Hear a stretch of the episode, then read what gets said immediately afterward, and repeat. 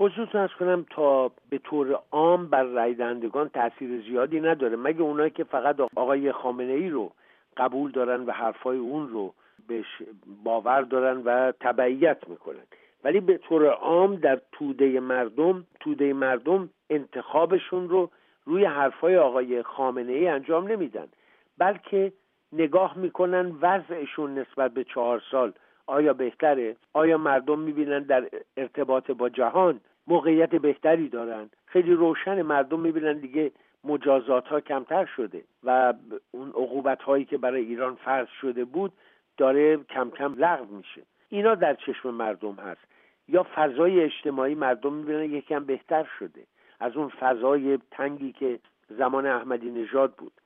حالا آقای خامنه ای بیاد تعریف بکنه از آقای رئیسی مثلا.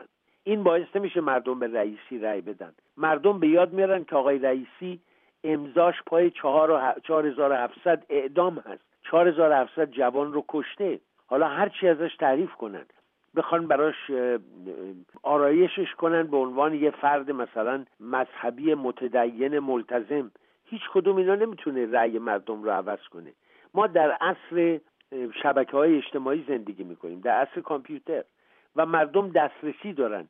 روزی که آقای رئیسی زمزمش شد که ایشون می‌خواد بیاد در انتخابات شرکت بکنه صدها صفحه در اینترنت درباره گذشته ایشون اومد و بنابراین نمی‌تونن مخفی بکنن. حالا آقای خامنه ای بگه نه چون آقای روحانی گفته بودن که من که اومدم شبه جنگ رو از کشور دور کردم. آقای خامنه ای این کردیت رو نمی‌خواد به آقای روحانی بده. میگه نه. مردم بودن که با حضورشون در صحنه باعث شدن ایران بهش حمله نشه. خب این مردم همیشه در صحنه بودن. نوعی که رژیم می‌خواد آرایشی که رژیم میده.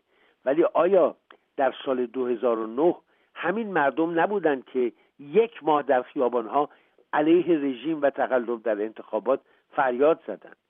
بنابراین منظورم اینه که این که مردم بودن باعث شد به ما حمله نکنن اینا حرف درستی نیست. چون هم امریکا هم کشورهای اروپایی هم کشورهای منطقه همه می‌دونن که رژیم در ایران محبوب نیست. همه می‌دونن که مردم اوضاع بدی دارن.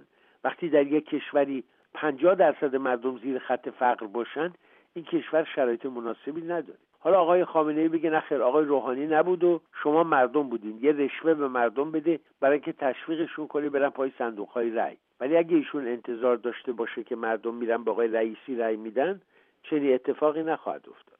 ظاهرا آقای خامنه ای گفته که از هیچ یک از نامزدای انتخابات ریاست جمهوری حمایت نمی‌کنه. آیا در عمل هم چنین است؟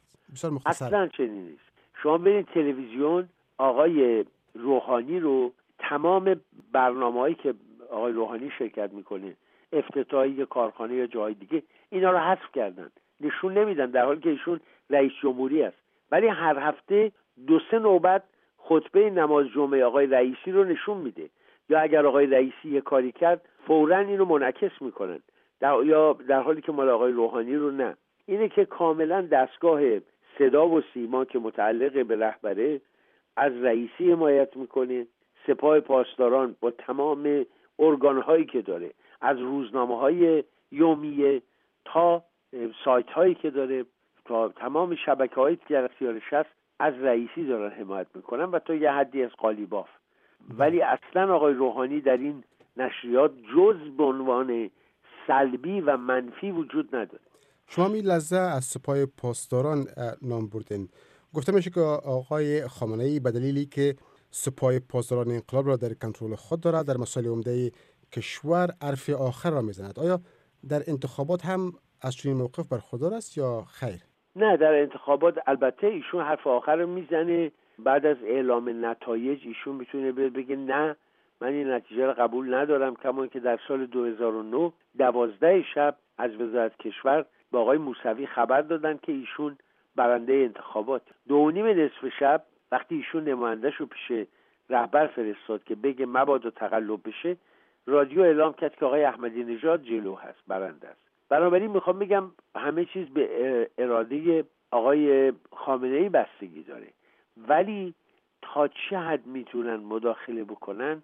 من زیاد مطمئن نیستم که اگر اختلاف آرا فاحش باشه مثلا آقای روحانی 20 میلیون بیاره و آقای رئیسی هفت میلیون بیاره تقلب نمی‌تونن بکنن. ولی اگر آقای رئیسی 15 میلیون بیاره و آقای روحانی مثلا 16 میلیون تقلب می‌کنن. به نفع آقای رئیسی حتما تقلب می‌کنن. به عنوان سوال آخر آقای روحانی توانست تا توافق استایی ایران را نهایی کند و در نهایت ارتباط تجارتی با غرب را تا اندازه بهتر کند. حال که آقای خامنه ای طرفدار تنشدهی با غرب نیست و اگر شخص مورد نظرش در انتخابات پیشرو برنده شود به صورت کل مناسبات تهران با کشورهای غربی به خصوص ایالات متحده چگونه خواهد بود؟ مخصوصا در قسمت تجارت. اولا الان روابطی وجود نداره. ببینید آنچه که ما بین ما و امریکا رابطه دیپلماتیک از 38 سال پیش قطعه آنچه وجود داشت ارتباط شخصی بود که بین آقای ظریف و جان کری به وجود اومد. بعد چون دولت آقای اوباما تصمیمش این بود که به هر قیمت شده با ایران بر سر مسئله اتمی به توافق برسه امتیازایی هم به ایران دادن. یه نمونهش پولای ایران آزاد کردن. یا در برابر آزادی شهروندان دو ملیتی در آمریکا پول کلانی پرداخت کردن. اینا باز روابط نبود. نمونهش این که آقای روحانی نتونست با آقای اوباما ملاقات کنه. چون رهبر جمهوری اسلامی اجازه نداد. در حالی که هم روحانی دلش می‌خواست هم اوباما. امروز در کاخ سفید کسی است که اون رغبت آقای اوباما رو نداره. هیچ علاقه به نشستن با آقای روحانی نداره. یا وزیر خارجه آمریکا کسی است که آقای روح آقای ظریف رو به مراسم جشن نوش دعوت نمی‌کنه. مثل آقای جانکری اینه که اون ارتباط شخصی که در واقع از تنش کم می‌کرد. چشم توی چشم میافتاد. اون رابطه دیگه وجود نداره. و این برای آقای روحانی بسیار سخته. یعنی آقای روحانی امیدوار بود که در دوره دوم بتونه روابط با آمریکا رو تجدید کنه. از بدشانسی او آقای ترامپ در امریکا رئیس جمهوری است که حاضر به دادن امتیازهای بیخودی نیست. و در این حال از اون طرف هم خب شما مشاهده می‌کنید که رهبر جمهوری اسلامی دستاورد آقای روحانی رو که همانا برجام و لغو مجازات ها بوده این رو به سخره می‌گیره و عملا می‌خواد از شعنش کم بکنه. پس آقای روحانی از دو طرف مورد فشار هست. هم از جانب دولت آمریکایی که دیگر علاقه من نیست با او تب به توافق برسه و از جانب دیگر رهبر جمهوری اسلامی که اصلا حاضر نیست اجازه بده یخ روابط واقعا بشکنه.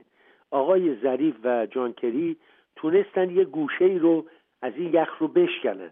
اما شاید این جایی که ایجاد شد حفره بود که فقط می‌شد توش یه نخ قلاب ماهیگیری رو رد کرد. کسی نمی‌تونست از اون حفره بره و در اون آب شنا کنه. اینه که می‌خوام بگم حتی در اون زمانم پیشرفت در زدودن تنش در روابط خیلی کند و بطعی بود.